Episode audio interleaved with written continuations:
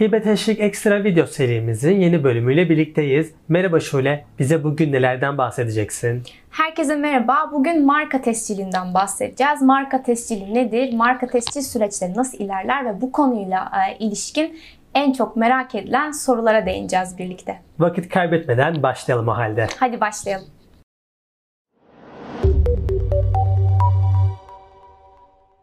Marka tescili nedir? Öncelikle marka nedir diye başlayalım istersen. Marka işletmenin ticari hayattaki kimliğini tanımlayan parmak izidir diyebiliriz. Marka tescili markanın ürün, servis ve hizmetlerine dair e, satış, pazarlama, tanıtım gibi faaliyetlerinin sadece marka sahibi tarafından yapılmasını sağlayan ve hak sahibi olmayan üçüncü taraflarca da kullanılmasını engelleyen markayı koruma altına alan bir sistemdir. Marka tescili neden yaptırılmalıdır? E, bunu şöyle ifade edelim. Bir ürün veya tasarımın öncelikle ihtiyacı markalaşmaktır. Markalaştığı takdirde aynı zamanda markayla ilgili sorumlulukları da e, aynı zamanda da hakları da üstlenmektedir. Markaya sahip olan bir kişi veya işletme o markaya dair tüm sorumlulukları ve hakları da üstlenmektedir. Bu markaya ait hakları elde edebilmek için de yasal yollara başvurulmuş olur. Bu da marka tesciliyle mümkündür. Marka tescil başvuru süreci nasıl gerçekleşir? Şimdi bu aşamaları istersen yansıtalım hemen ekranlarımızda görünsün. Ee, birinci aşamayla başlıyor. Markanın ön araştırması ve analizinin yapılması bu. Burada markanın daha önceden tescil edilmiş olması e, olması ihtimaline bakılıyor aslında. O yüzden de bu aşamada gerekli incelemeler gerçekleştiriyor.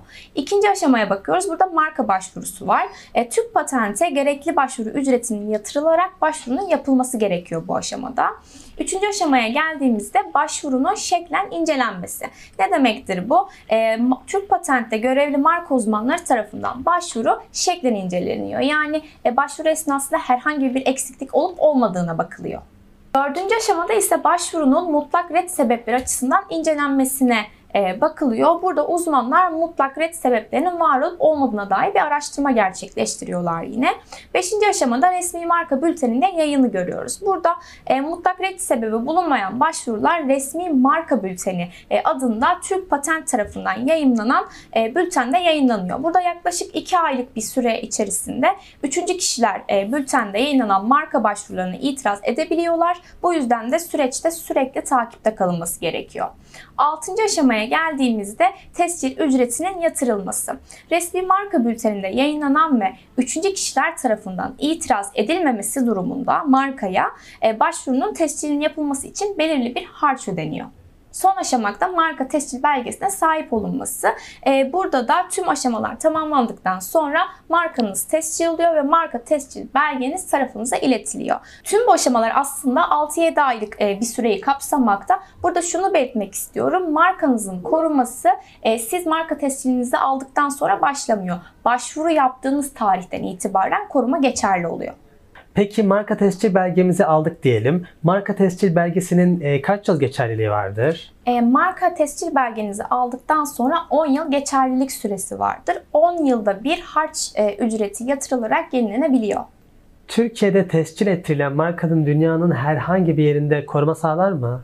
E, maalesef böyle bir durum yok. E, koruma sağlayamıyor. Kural gereği hangi ülkede marka başvurusu e, yapıyorsanız o ülkede koruma e, sağlamakta. Yani Türkiye'de marka başvurusu yapılmış ve tescillenmiş olan markanız sadece Türkiye'de koruma altına alınabiliyor. Peki marka tescili sahibi olarak haklarım nelerdir?